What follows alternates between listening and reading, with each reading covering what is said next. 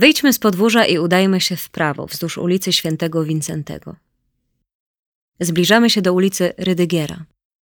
To na niej w 1997 roku duński reżyser Soren Krak Jakobsen odtworzył wojenny Tarnów do swojego filmu Wyspa przy ulicy Ptasiej.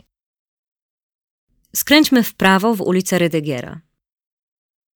Kamienice znajdujące się na tej ulicy połączone są ze sobą licznymi plombami, charakterystyczną zabudową powstałą w wyniku usunięcia powojennych gruzowisk.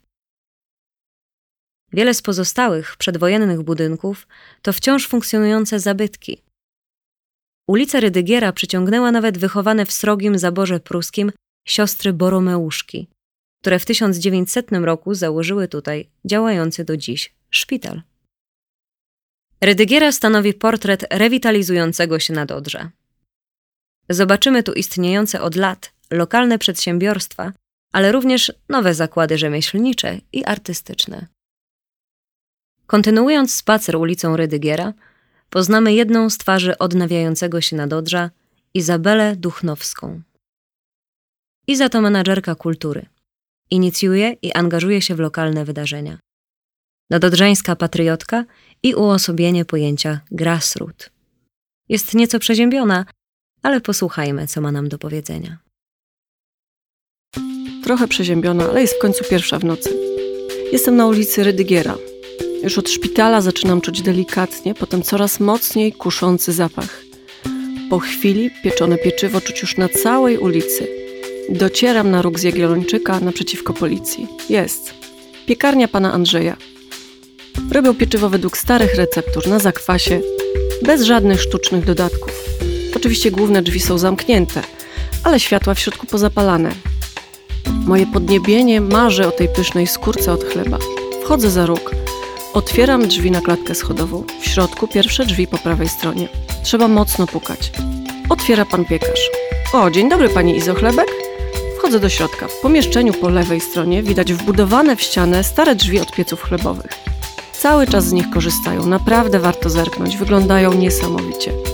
Po prawej stronie na półkach stygną chleby, bułki, rogale. Zawsze wybieram mały chleb żytni i chałkę.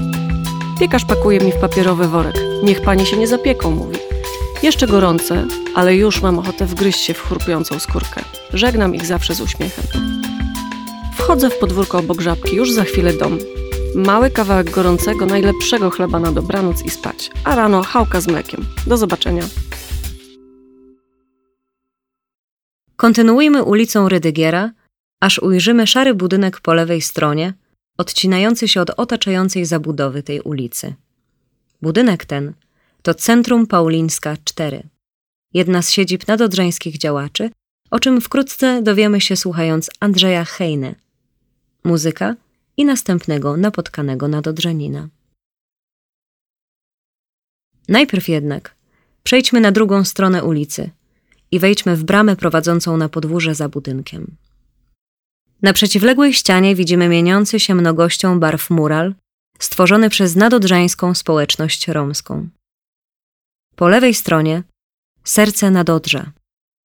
Tuż za mozaiką, po lewej stronie, swoją siedzibę ma Rada Osiedla Nadodrze, a w wyremontowanych budynkach mieści się Nadodrzańskie Centrum Wsparcia.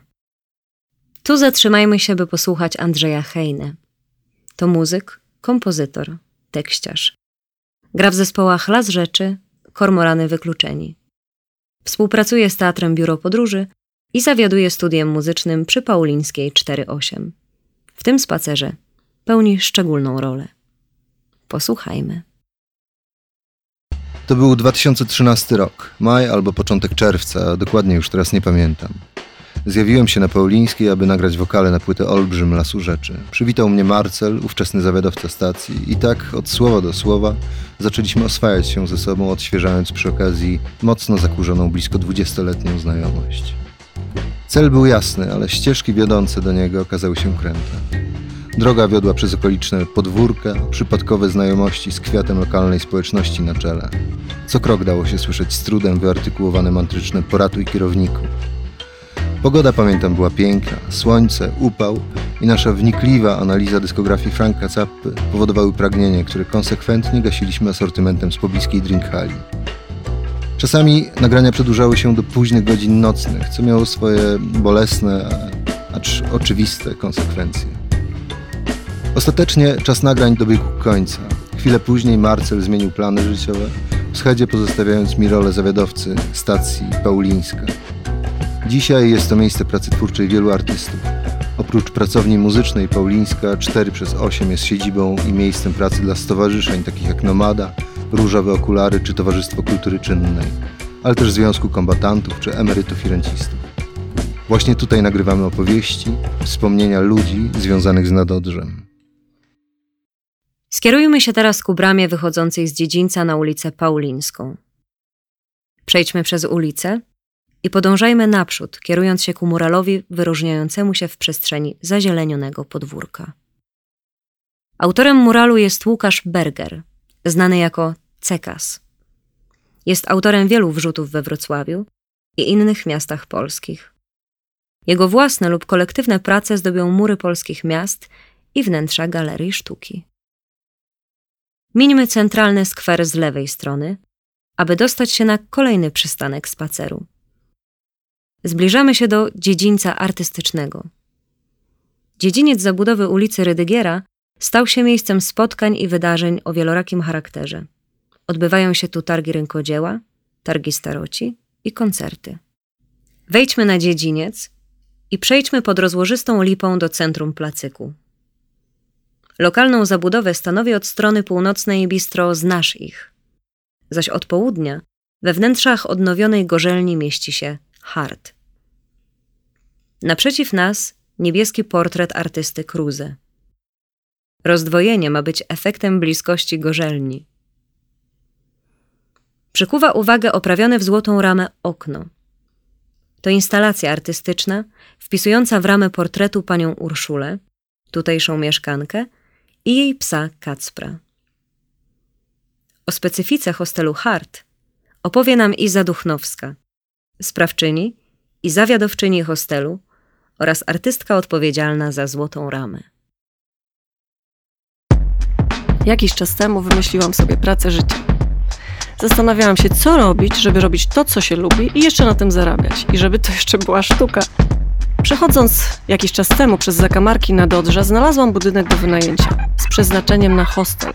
Hmm, hostel? Ja?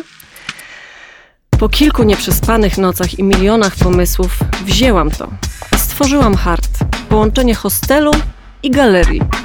Każdy pokój jest teraz zaprojektowany przez wybranego przeze mnie artystę. W części galeryjnej co miesiąc organizuję nowe wystawy, Robię też warsztaty artystyczne, koncerty, pokazuję generalnie twórczość młodych artystów. Współpracuję też z wieloma festiwalami. Sprawia mi to ogromną przyjemność. Ostatnio jednak wymyśliłam, że trzeba dodać trochę zieleni na podwórku. Zaprosiłam Michalinę Kostecką, artystkę zajmującą się sztuką roślin i właśnie teraz, dokładnie dzisiaj, robimy w starych beczkach mini ogród.